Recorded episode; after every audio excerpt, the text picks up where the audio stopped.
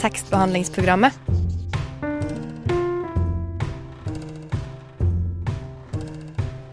Tekstbehandling på radio. God morgen, alle syvsovere. God morgen. vi er Tekstbehandlingsprogrammet, og vi er Katrine Mosvold og Julia Bueso. Og eh, vi får besøk av en gjest i dag. Det blir veldig spennende. Vi skal få besøk av eh, lyriker Tone Hødnebø, som har gjendiktet bl.a. Ann Carsons rød selvbiografi, eller Autobiography of Red, som vi skal snakke om med Som Tone. kom ut i høst. Mm. Fjor høst. Ja. Ja. 2021. ja. Det eh, gleder vi oss til, og hun kommer etterpå. Eh, før det lurer jeg på, Julia, har du hatt en fin leseopplevelse i det siste? Ja, det er, det er veldig morsomt at vi skal ha Tone her i dag og snakke om Anne Carson, for jeg har lest litt i en annen bok av Anne Carson som heter Decreation. Veldig, veldig fine dikt. Mm, som blant annet handler om moren hennes. Eh, eller en mor, da. Lyris, en lyrisk mor. Så har jeg lest Har jeg begynt å lese både to veldig store ting. Eh, Brødrene Karamazov og June. Så jeg Ja. har liksom nok å lese framover. Er det sånn Mm. ett kapittel av den ene, ett kapittel av den andre, og så sammen blir det én kjemperoman som kanskje er enda bedre enn begge? Så blir det en veldig god cocktail av liksom Ja. sci-fi og klasker og russisk og Nei, jeg hører, jeg hører Brødrene Karamazov. Mens hører- du leser Dune. mens jeg leser Dune. det er en anbefaling til alle som liker tunglitteratur. Nei, men hva med deg? Har du lest noe fint i det siste? Eh, fint og fint. Jeg har lest noe fint, men det skal vi prate masse om etterpå, så det skal ikke jeg prate om nå. Eh, men eh, noe jeg har lest som jeg vil anbefale eh, Ja, jeg jobber, jeg jobber deltid i et uh, fagbibliotek uh, med mye helsefagbøker og sånne bøker om ledelse og sånn.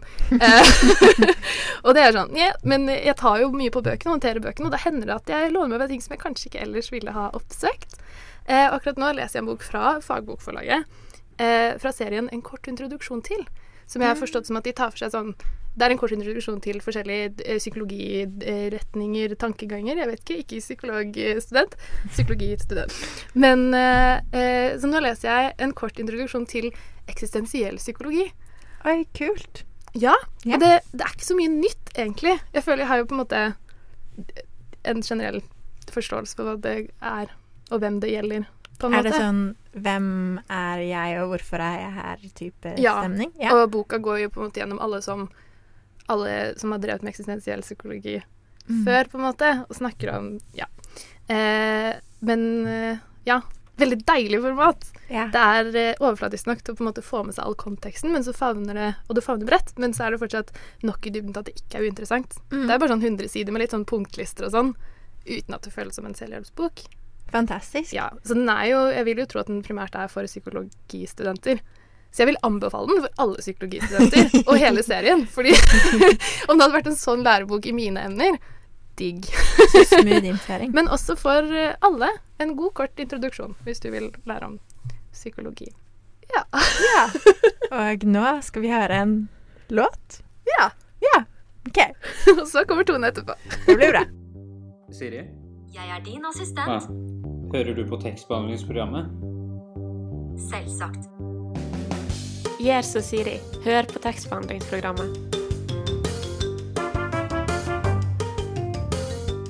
Du hører på tekstbehandlingsprogrammet, og eh, det er fortsatt jeg, Katrine, og eh, Julia som er her i studio, men nå har vi fått besøk av vår gjest. Velkommen, Tone. Tusen takk. Eh, du eh, er eh, lyriker, gjendikter, her i anledning at du eh, nylig har eh, gitt ut en bok av Ann Carson. Blir det feil å si at du har gitt den ut når det er hennes bok? Uh, ja, nei, det har jeg ikke tenkt på. Kanskje det er forlaget som gir den ut. Uh, Ja, det er det jo kanskje. ja. Nei, ta Men jeg står bak. Jeg står bak.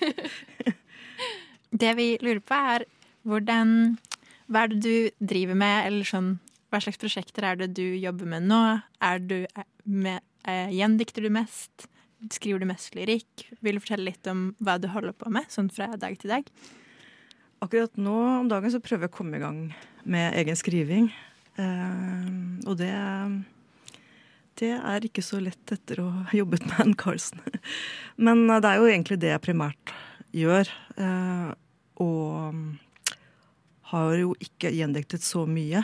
Så jeg ser meg selv mest på som en, en forfatter som av og til eh, oversetter eller gjendikter. Ja. Eh, Mer forfatter enn lyriker, eller er det Ja, jeg syns lyriker um, er litt vanskelige ord, men det er jo kanskje mer presist. Det er jo dikt jeg har skrevet til nå, så det, det, er, det, er, nok det jeg er. Men, eh, men man er vel forfatter òg. ja. Det, Vil du fortelle om hvordan du endte opp med å drive med tekst eller med litteratur? Hva var det som fikk deg inn på den veien? ja, nei, det er et godt spørsmål, for det, det har vel egentlig aldri vært sånn veldig planmessig. Det har bare kommet opp eh, med jevne mellomrom. Men jeg begynte jo å studere på Blindern eh, når jeg var ganske ung. Og studerte liksom engelsk først, og nordisk etter hvert. Og da ble jeg jo veldig slått av og til av no, noen av de tekstene vi leste, de skjønnlitterære tekstene. Eh, og det gjorde jo noe med meg, eh, kan jeg vel godt si. Jeg kom over et eh, Jeg begynte å lese lyrikk ordentlig. sånn mer ja, ting som ikke sto på pensum, kan du si. Man blir jo litt opptatt av å lese alt som ikke står på pensum. Um, men jeg kom over for eksempel Emily Dickinson, som jeg også har gjendiktet. Fulgte jeg seminar her eh, på Blindern på engelsk, og det var veldig givende og interessant. Og så kom jeg over eh, tidsskrift, litterær tidsskrift. Jeg begynte å kjøpe diktsamlinger. Det var ofte sånne diktsamlinger som var på billigsalg. Som sto i sånne kasser utenfor sånne små butikker. Det var før vi fikk disse store butikk- eller bokhandlerkjedene. Så da var det ofte litt sånne rare gjendiktninger, f.eks. av eh, tsjekkisk surrealistisk poesi. Eh, sånne navn som man aldri hadde hørt om, som kostet én krone eller to kroner. Og det var litt spennende å lese det som på en måte ingen hadde fortalt deg at du skulle lese. Eh, og det var veldig an, annen måte, annerledes måte å bruke språket på enn det vi hadde lært på skolen, da, eksempel. Men det skal sies, jeg var alltid en som skydde diktanalyser. Jeg skrev aldri en eneste diktanalyse på, på skolen. Det er veldig, veldig spennende at du kom til det sånn. Vi pleier jo, når du prater om, eh, om ting du leste da du på en måte kom inn i, i lyrikkens verden Vi pleier å åpne sendingen vår med å prate om hva det er vi har lest i det siste. Og da lurer vi på hva leser du nå? Eh, jeg prøver å legge Ann Corson, eller rød selvbiografi, bak meg, for den jobbet jeg intens med så lenge. Eh, og da er det jo veldig fint å ha andre bøker å ty til, da. Og, men jeg kom ikke helt bort fra Ann Carson, fordi at vi har Eller jeg satte i gang et oversetterprosjekt med eh, Vi er fem stykker da, som skal oversette et verk av Ann Carson som heter Float. Som er en, eh, består av veldig mange små forskjellige pamfletter eller små hefter som finnes samlet i en stor boks. Og, og det er folk som har jobbet litt. Noen har jobbet med, eller De fleste har jobbet med gjendiktning før. Eh, det gjelder f.eks. Svein Jarvold, Henning Hagerup, eh, Jørn Sværen og Kari Nygaard. Så vi skal liksom diskutere, vi har fordelt disse ulike tekstene mellom oss, og så skal vi diskutere oversettelsesproblematikk underveis. Så forhåpentligvis så håper vi at det skal komme ut ganske snart. da. Men det har blitt litt forsinkelse fordi alle har vært opptatt på hvert sitt hold. da. Skal Så- det da bli en del av utgivelsen, det dere diskuterer?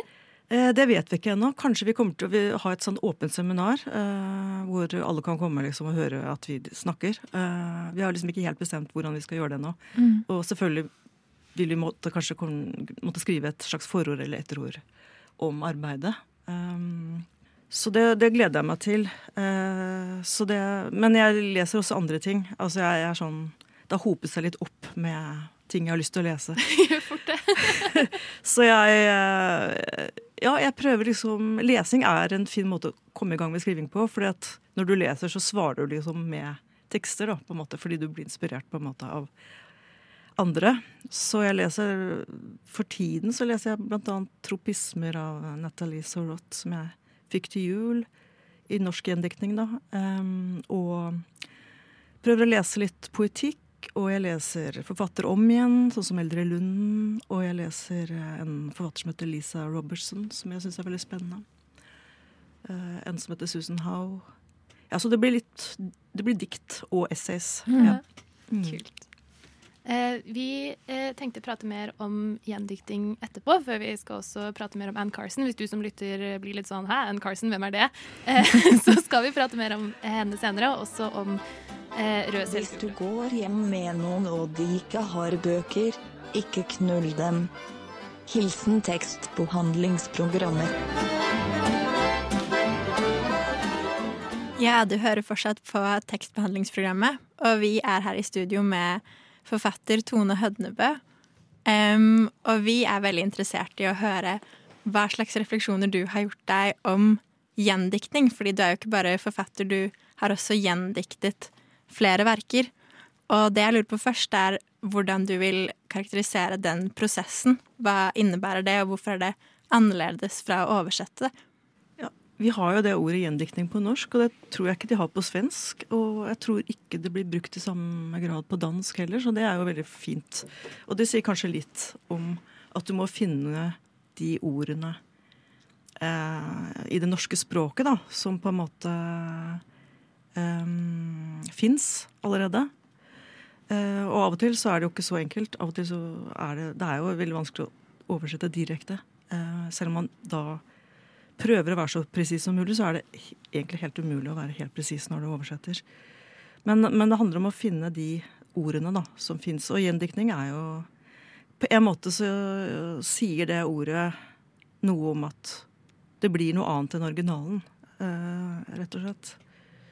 Eh, og det er i hvert fall min erfaring at du kan like en tekst veldig godt på originalspråket, eller det er fascinerende fordi det er litt fremmed og og det engelske språket også er, eh, klinger på en annen måte. Og så skal du oversette til norsk, og så føles det liksom ikke helt riktig.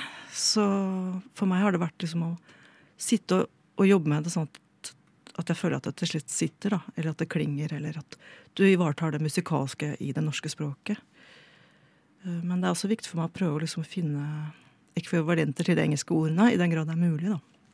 Eh, Og det er også en måte å oppdage sitt eget språk på. Eh, jeg tror Georg Johansen som skrev og gjendiktet bl.a. fra kinesisk uten å kunne kinesisk, men gikk via støtteoversettelser. Han, han, han sa i et intervju som sto i Vagant for en del år siden, at jeg oversetter for å lære meg norsk. Og det er jo det man får igjen ved å sitte og jobbe med gjendiktning. At du liksom må finne ord som du kanskje ikke bruker til vanlig. Du må liksom hele tiden lete. Jeg ser for meg at det er et ganske stort ansvar, med tanke på at det er en forfatter som har skrevet et verk som, som aldri kan bli helt det samme når du oversetter det til et annet språk. Og hva slags type på en måte problematikk er det det bringer med seg? Hva slags hensyn er det du føler at man må ta overfor verket? Ja, um, det er jo um, å gå mange runder uh, og prøve å forstå på en måte boken. Uh, men ikke tolke den i stykker, da. En, en gjendiktning skal ikke være for mye tolkning. Du skal ikke redusere uh, Redusere en slags betydning som kanskje er veldig litterær eller poetisk til tider. Eller du skal prøve å liksom ivareta det mangetydige i et språk, eh, særlig når det er skjønnlitteratur. Men Anne Carlsen er jo en forfatter som også veksler mellom å, å vise til fakta, eksempel, eh, og myter, og har veldig type, forskjellige typer tekster. sånn at når hun beveger seg mellom disse ulike lagene eh, av språket, så må du liksom ivareta de skiftene. Så når hun liksom refererer til vulkaner, eksempel, som hun gjør mye, eller eller ting, fysiske fenomener, så må man jo på en måte prøve å være etterrettelig da, og finne de ordene som kanskje allerede fins på norsk, rent vitenskapelig. da. Apropos engelsk, noe som vi har tenkt på og pratet om oss imellom, er jo eh, om man eh, oversetter et verk, det bidrar jo til å gjøre det tilgjengelig. Men det som er med litteratur på engelsk, er at eller mange nordmenn kan jo da også lese det, men det, det betyr ikke at de får med seg at det finnes. Vil du si at det type oversettelses- og gjendiktingsarbeid du har gjort med Anne Carson, like mye har vært et slags formidlingsarbeid? Altså, jeg tror det blir en oppmerksomhet rundt en forfatter når det kommer ut en gjendiktning. Um, men det er ikke godt å si hva som kommer først. Uh, fordi når jeg begynte med Anne Carson, så var det noen få som kjente til henne. Men hun var jo allerede kommet ut på dansk og svensk og flere andre språk. Så hun har jo vært et kjent navn lenge eh, på, i andre land, men kanskje ikke i Norge.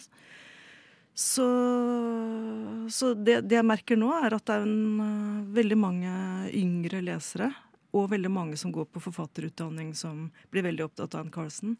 Og det syns jeg er veldig spennende. For at å gjendikte en, en, forfatter som Ann Carlsen innebærer jo også på en måte at man oversetter en måte å skrive på. For hun er en veldig særegen forfatter, og hun bruker liksom eh, Ja, hun, hun har rett og slett oppfunnet uh, nye sjangre. Hun blander sammen sjangre. Hun uh, lager hybridsjangre. Hun veksler mellom ulike sjangre. Hun er veldig opptatt av hva som skjer i mellomrommene mellom ulike sjangre, når hun da veksler mellom de i en og samme bok, f.eks. Så det er jo spennende å se at folk kan liksom se at poesi kan være mer enn bare dikt på siden. liksom. At det kan også være en tekst som går over mange sider, og det kan like godt bunne i at man har et spedens syn på språk. Anne Carlsen spenner opp et veldig stort lerret, som jeg syns er veldig spennende. at Det handler ikke bare om her og nå, det samtidige, men det handler også om helt andre tider og helt andre språk. Da, og hvordan hun på en måte tar det fremmede inn i sin litteratur. da. Så det er det, det, er det jeg syns er spennende med henne, at hun beveger seg så fritt på en måte mellom sjangre, men også mellom ulike tider og ja, hun er også ganske frekk, syns jeg, i måten hun liksom uh, Ja. Um, I hvordan hun forholder seg til autoriteter, da, kan du si, i, i litteraturen. Men Er det deilig når du jobber med hennes stoff, og på en måte kunne være like frekk som henne, da? Det, pre, preges du av at du jobber så mye? Du nevnte det litt uh, tidligere, at det setter spor. Men uh, Ja, jeg tror de fleste som på en måte begynner å studere litteratur, eller begynner å skrive, eller eventuelt gå på skrivekurs, de, de blir veldig sånn Oi, her er det mye jeg ikke har lest. Og de får på en måte tradisjonen trett over seg. Det må du lese. Det må du lese. Osv. Men det jeg er fint med Ann Carlsen, at for det første så har hun en Hun har en kanon i bånn, men det er liksom det hun velger å bruke. Så hun er en leser når hun skriver, på en måte, og hun velger også å snu ting litt på hodet. da. Sånn når hun leser, uh, gjenleser f.eks. Uh, tekster uh, som er skrevet for lenge siden i ulike, til ulike tider, i hvordan man ser på f.eks. kvinnen.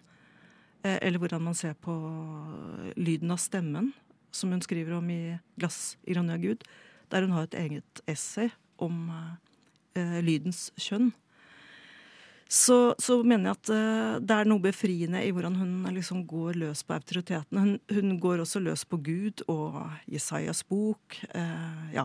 Um, mm. Og jeg tror at hun kan gjøre det nettopp fordi hun har en så enorm kunnskap.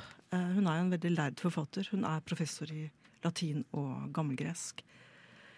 Og um, er en veldig god leser. Så jeg, jeg, jeg syns det er spennende hvordan hun liksom går til verks ved å snu litt opp og opp ned på forestillinger om um, f.eks. begrepet skjønnhet. Da.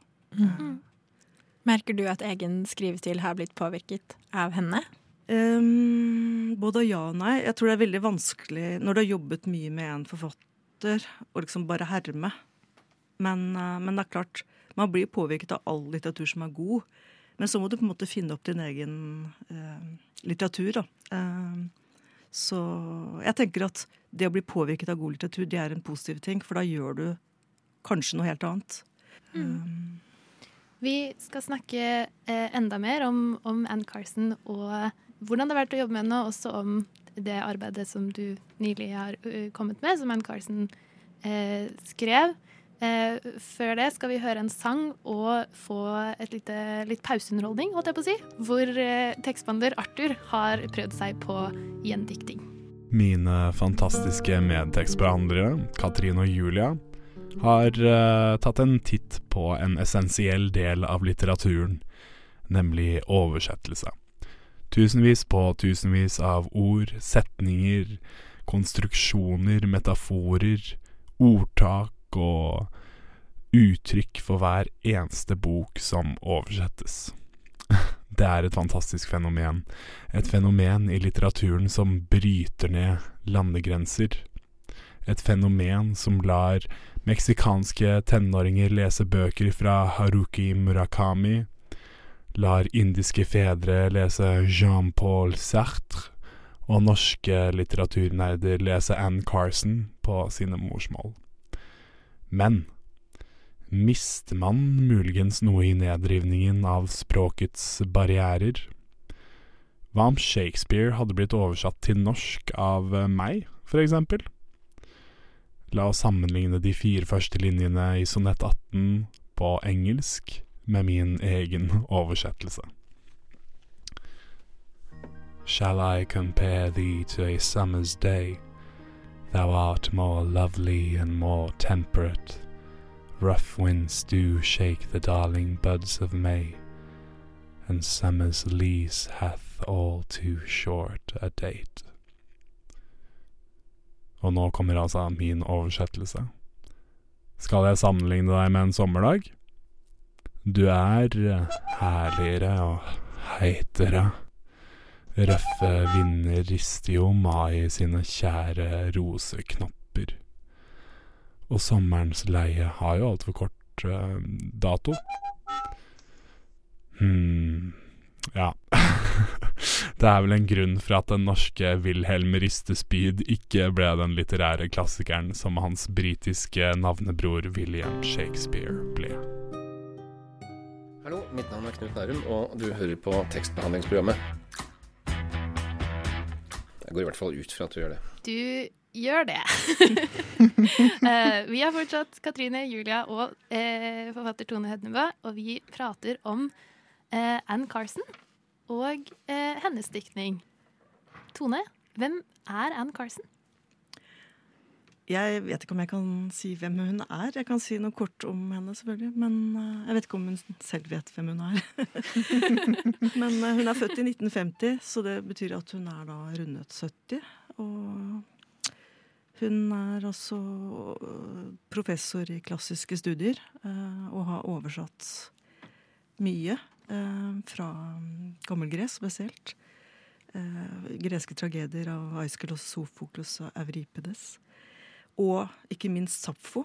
Um, Mm. Fragmentene til Sapfo. Um, hun debuterte med Er- Eros the Bittersweet, som er uh, ulike essays om begjær, spesielt hos Saffo. Um, så det er eh, Hun debuterte da som ikke-skjønnlitterær forfatter, kan man si. Um, så Røs selvbiografi som nå har kommet ut, den er jo da hennes gjennombrudd som skjønnlitterær forfatter, og, og den kom ut ganske tidlig i forfatterskapet. Um, så, siden har hun gitt ut mange, mange bøker. Uh, Tjuetalls bøker etter hvert. Den siste, så vidt jeg har forstått, den fikk jeg vel tilsendt i, i vår. Det er en, en slags um, The Troyan Woman. Women, Women en tegneserieroman. Uh, et samarbeid med en som heter uh, Rosanne Bruno. Som er bygd over Euripides. Og den er også veldig morsom å lese. Så det er en måte å komme inn i liksom eh, eh, litteratur som kanskje er litt sånn vanskelig for folk å begynne å lese. Altså Du får en sånn eh, veileder via, via Anne Carlsen da, inn i det greske Ja. Skulle si at Gamle eh, når vi fikk eh, Vi mottok et leseeksemplar på Rød selvbiografi, som er den, eh, den boka som nå er kommet ut på norsk. Eh, og da eh, leste jeg på en måte det som står inni eh, omslaget, og så la jeg den fra meg, for jeg tenkte at her har ikke jeg forståelses... eh, dette kan ikke jeg forstå. Mm. Eh, jeg Ja. kan ikke nok om dette. Mm. Eh, men jeg er veldig glad for at jeg leste den likevel, for det Ja. Ja, altså Hun er jo som sagt en belest forfatter, men jeg eh, syns på en måte at hun er jo både komplisert og vanskelig, men også veldig enkel, faktisk. Synes jeg jeg syns ofte hun har en sånn personlig inngang til, eh, til, eh, til det å skrive, da. Selv om hun selv syns at det personlige er veldig vanskelig, har hun sagt. Eller problematisk. Men det kan vi snakke mer om hvis vi får tid. Eh, og det tror jeg kan forstå. Altså For diktet, hvor du bruker jeget, bare det er problematisk. Eh, Så det, det å på en måte distansere seg litt og, og gå via annen litteratur og likevel liksom skrive personlig, det syns jeg kjennetegner henne som forfatter. Da. Og hun jobber jo også mye med performance ved siden av. på en måte, Og mm, hun har vel skrevet også en del sånne librettoer eh, og teater, små teaterstykker som har blitt framført. Hun var jo i Moss på Audiaturfestivalen for en del år siden, og da møtte jeg henne. Da holdt jeg på å oversette henne, eller gjendikte henne, da, den glassironi om og Gud'. Så jeg hadde ikke lyst til å møte henne. Men jeg måtte jo. Så yeah. det, eh, det, det syns jeg var uhøflig å ikke møte henne. Så jeg, da, da spurte hun om jeg ville eh, lese opp en tekst som jeg hadde oversatt for festivalen. Um, som blant annet handler om Island. Um, og mens vi sto og leste, jeg på norsk og hun på amerikansk eller engelsk, så drev eh, mannen hennes og surret oss inn i en rød tråd.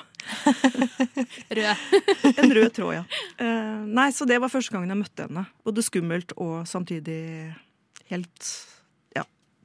Hun er jo en forfatter som lever, så jeg mener, hvis man får en anledning til å møte den forfatteren som man oversetter, så er jo det en sjanse man ikke skal gå, la gå fra seg, da. Eh, Mm. Så du er glad du gjorde det? Jeg er glad jeg gjorde det i ettertid. Ja. Mm. Mm. Mm. Jeg skjønner at det er eh, spesielt, da, fordi det handler om den derre Det tenker jeg på når vi snakker om henne som person nå også, at eh, verket skal jo stå på egne ben. Ja. Eh, og jeg forstår at det er en fordel når man, når man jobber med det.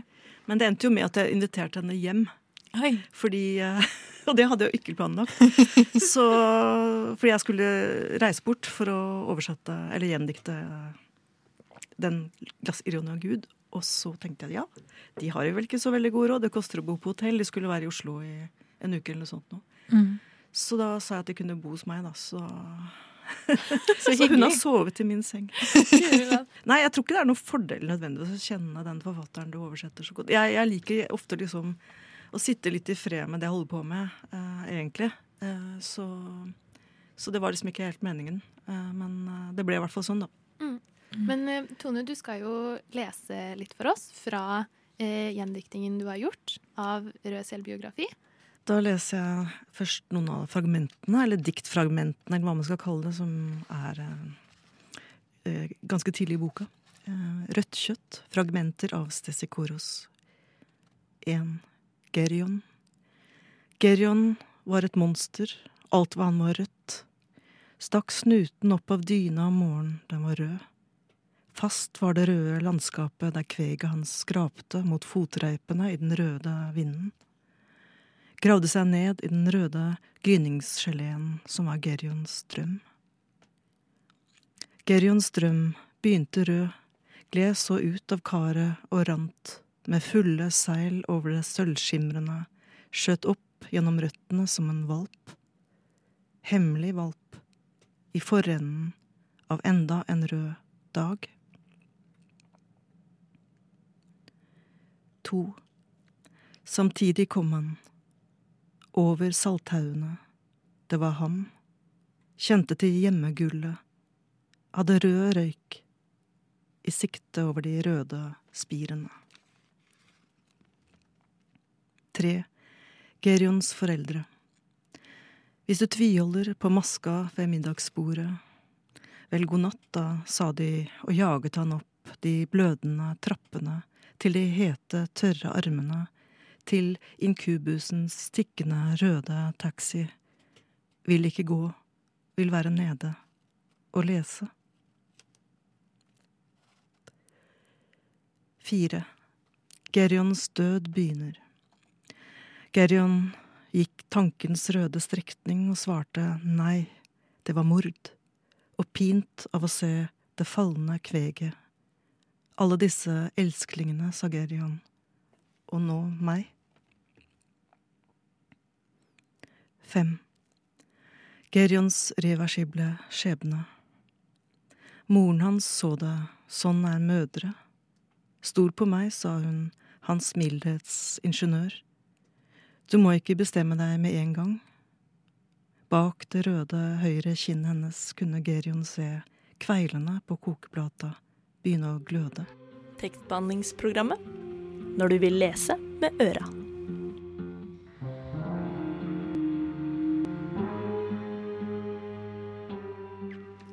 Du hører på tekstbehandlingsprogrammet, og vi er her med forfatter Tone Hødnebø, og du har nettopp lest litt for oss fra Rød selvbiografi. Og jeg lurer på om du kan si noe om hva var det du leste nå? Hvem er denne mytologiske skikkelsen Gerion som vi følger i Rød selvbiografi? Eh, Gerion han er et rødt monster eh, som går igjen i en, en myte eh, som gresser rundt den greske helten Herakles, eh, som fikk eh, ulike oppdrag, eh, vanskelige oppdrag. Og den tiende var å få tak i Gerions kveg.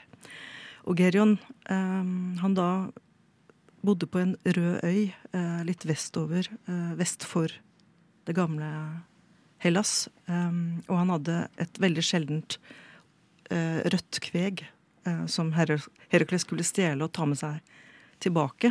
så er det mange ting som skjer underveis, men i hvert fall så er dette en myte som på en måte flere har brukt. Um, altså, Herakles var en veldig viktig gresk helt.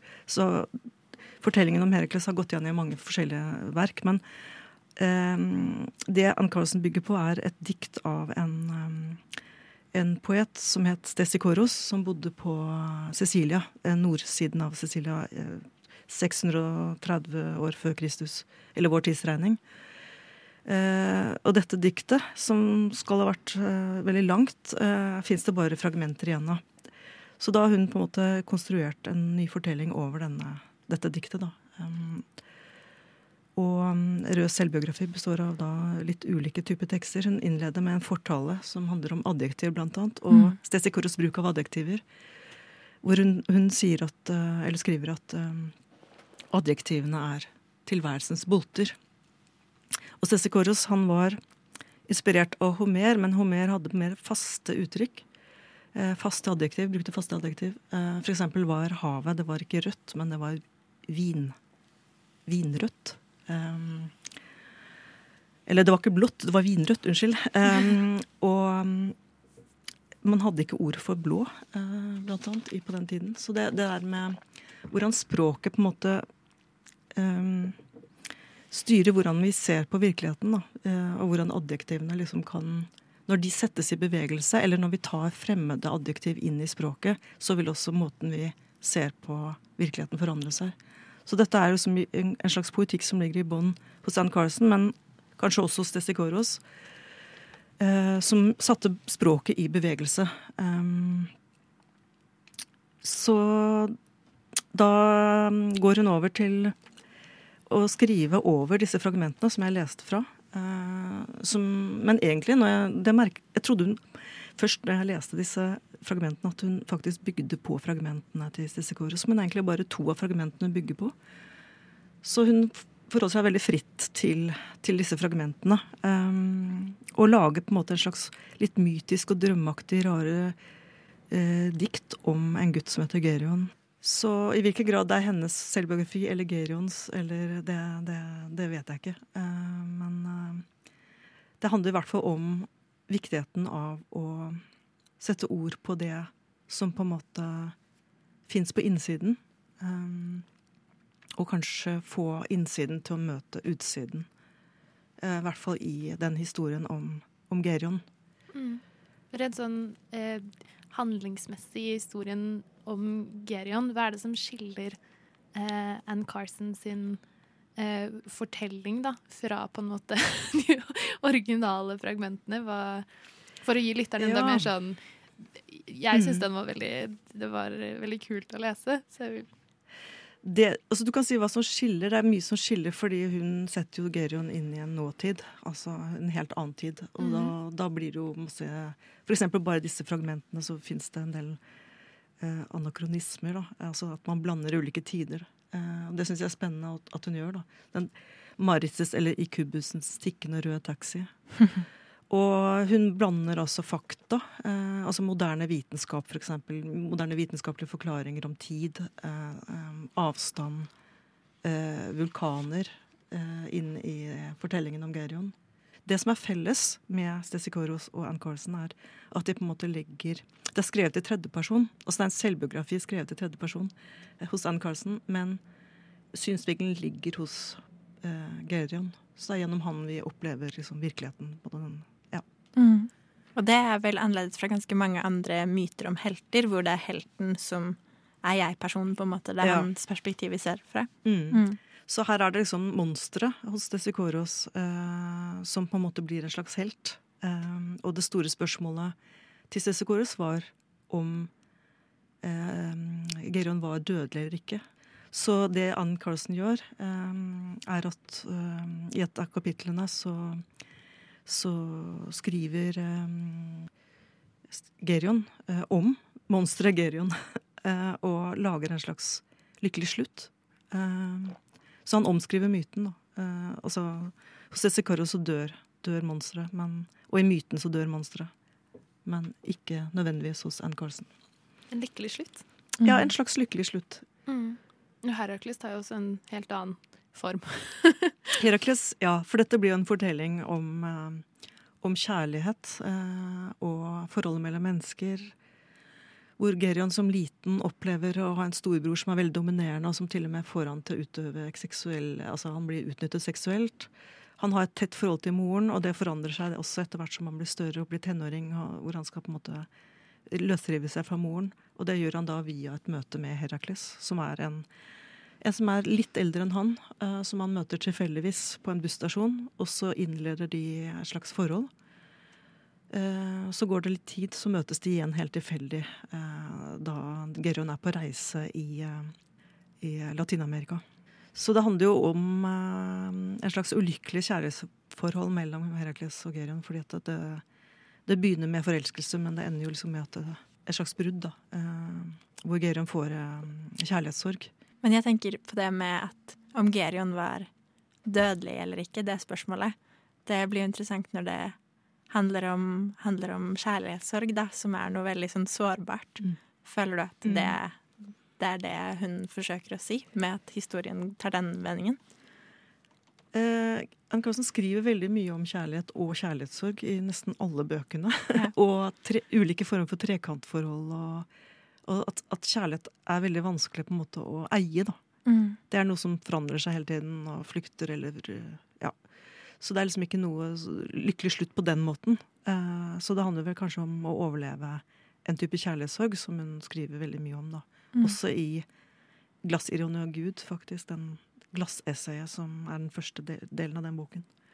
Jeg har et eh, spørsmål til deg, Tone. Jeg lurer på Hvis det er noen som lytter til dette, som enten har nå lest Rød selvbiografi etter den kom, eller som får lyst til å lese den, og så kanskje eh, f.eks. har fått lyst til å lese mer Anne Carson.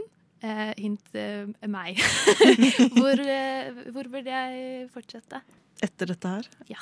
Um, hva du skal lese av Anne Carson? Um, ja, um, godt spørsmål. Jeg tror du egentlig kan begynne hvor som helst i hennes forfatterskap.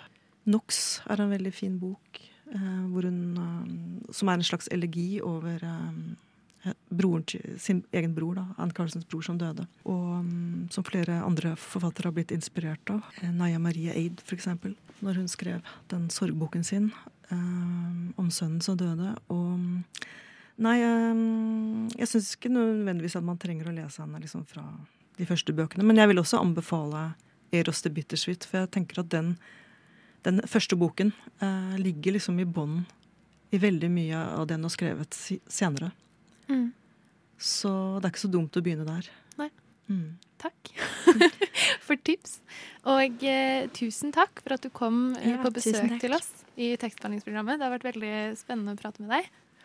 Um, før du forsvinner fra, fra ørene til alle som hører på her, så eh, skal du få lov til å lese for oss. Ja, da tenkte jeg skulle lese fra selve fortellingen, som er den liksom lengste delen av boka, eller største delen av boka, som er en slags lyrisk prosa. Hun eh, har ulike avdelinger i boka, som sagt, og det ender jo med et lite intervju hvor forfatteren intervjuer Stesi Koros. Så det syns jeg også er eh, litt typisk for Anne Carlsen, at hun eh, ja, tillater seg det. Å intervjue en forfatter som levde for så lenge siden. Men dette her er eh, ganske tidlig i boken, og det handler om eh, Gerion som etter hvert Ja, som begynner på skolen.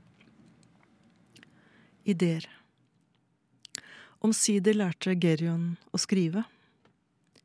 Morens venninne Maria ga han en vakker notatbok fra Japan med et selvlysende omslag. På omslaget skrev Gerion selvbiografi. Inni skrev han ned fakta. Alle kjente fakta om Gerion. Gerion var et monster. Alt hva han var rødt. Gerion bodde på en øy i Atlanterhavet som het Det røde stedet. Moren til Gerion var en elv som renner ut i havet. Den røde gledens elv. Faren til Gerion var gull. Noen sier at Gerion hadde seks hender, seks føtter, noen sier vinger. Gerion var rød, det samme var det underlige røde kveget hans. En dag kom Herakles, drepte Gerion, tok kveget. Han fulgte opp fakta med spørsmål og svar. Spørsmål Hvorfor drepte Herakles Gerion? 1. Var voldelig. 2. Ble nødt. Det var ett av hans storverk. Det tiende. 3. Fikk for seg at Gerion var døden. Ellers kunne han leve evig. Til slutt. Gerion hadde en liten rød hund. Herakles drepte den også. Hvor får han alle ideene sine fra, sa læreren. Det var foreldresamtale på skolen. De satt side om side ved de små pultene. Gerion så moren plukke vekk et tobakksrusk fra tunga før hun sa Skriver han overhodet noe med en lykkelig slutt? Gerion tenkte seg om. Så strakte han seg og lirket stilarkene forsiktig utover hånden til læreren. Han bega seg videre tilbakerst til klasserommet, satte seg ved den faste pulten sin og tok fram en blyant. Ny slutt.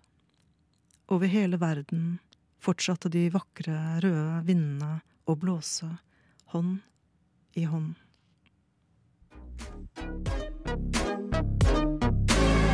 Radio Nova. Studentradio. Du har hørt på tekstbehandlingsprogrammet, og nå er det slutt. Eh, dessverre. Dessverre. det var veldig spennende å besøk av, eh, av Tone. Du håper at dere som har hørt på, også har syntes at det var interessant å høre. Og vi anbefaler folk å lese Anne Carson. Det var en veldig, veldig fin leseropplevelse. Ja. Mm. Eller jeg har lest mer av henne nå pga. første boka. Hvilken vil du anbefale å begynne med etter denne? Jeg har bare lest de to, eller den rød selvbiografi og den jeg holder på med nå, The Creation. Ja. Men jeg får det, det som jeg syns virket spennende ut fra det Tone sa, var jo den 'Glass, ironi og Gud'. Det er kanskje Ja, den neste. på norsk? Jeg vet ikke. Det jo, det blir jo, hadde jo vært gøy å se hvordan hun har oversatt det. Ja. Kanskje lese denne på engelsk først? Kanskje det. Hmm. Spennende. Eh, hva skjer eh, neste sending? Neste sending blir enda en eh, dybdesending, eh, og denne gangen så er det Arthur og Erik som har vært i studio og snakket om Dostojevskij. Um, og jeg har laget et lite innslag fra Dostojevskij-festivalen, som var i høst. Så uh, gjør dere klar for enda mer eh, fokusert eh, samtale. ja. Det blir veldig fint. Gå litt i dybden for de spesielt interesserte, kanskje. Ja. eh, de får også besøk av en professor, tror jeg. Stemmer det, det. Ja. Det blir seriøse greier. Mm. Lytt til oss da også Ja. neste onsdag. Hvor kan man høre oss da? Neste onsdag? Eller når som helst. Ja. når som helst kan du høre oss eh, på, eh, i podkastformat, der hvor Mm. du finner podkastene dine. Og eh, neste onsdag, onsdagen etter der igjen, og etter der igjen, etter der igjen. Forhåpentligvis. På eh, Radio Nova. Fra klokken ti til elleve. Ja. DAB eller eh, på nett, eller sånn derre app med radioapp. Det er bruker jeg. Det er nice. Vi takker for oss. Eh, I studio var eh, Julia Bøso og Katrine Mosvold, og Tone Hødnebo var gjest. Takk for nå. Ha det bra.